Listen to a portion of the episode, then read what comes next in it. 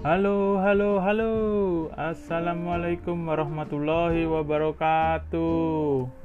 Selamat malam semuanya. Selamat datang di podcastnya Mas Dims.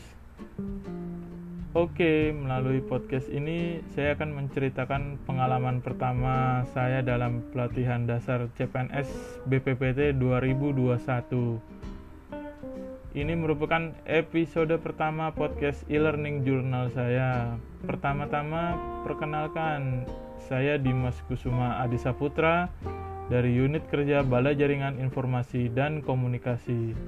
Dan saya juga tergabung dalam Latsar Angkatan 5 di kelompok 2 atau kelompok B. Yang pertama saya rasakan adalah deg-degan ya. Karena perasaan hari pertama yang saya alami dalam mengikuti Latsar CPNS e-learning ini adalah deg-degannya parah banget. Soalnya saya juga baru pertama menjalani un, uh, kegiatan Latsar ini. Materi pertama itu diisi oleh Ibu Sarinah Dewi atau bisa juga dipanggil dengan Ibu Dewi. Ibu Dewi membawakan materi dinamika kelompok Dinamika kelompok adalah suatu kelompok yang terdiri dari dua atau lebih individu yang memiliki hubungan psikologis secara jelas antara anggota satu dengan yang lain dan berlangsung dalam situasi yang dialami. Dinamika kelompok berasal dari kata dinamika dan kelompok. Dinamika berarti interaksi atau interdependensi antara kelompok satu dengan yang lain sedangkan kelompok adalah kumpulan individu yang saling berinteraksi dan mempunyai tujuan bersama.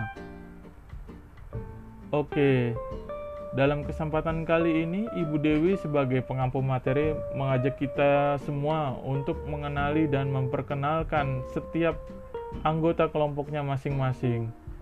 Supaya kita semua tidak hanya mengenal nama, namun juga mengenal lebih jauh terhadap setiap anggota kelompok lainnya. Untuk materi kedua diberikan atau disampaikan oleh Ibu Dr. Santi Irma Idrus STMM.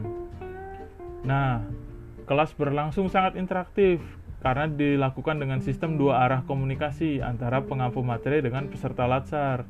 Jadi tidak ada ketegangan di antara kita.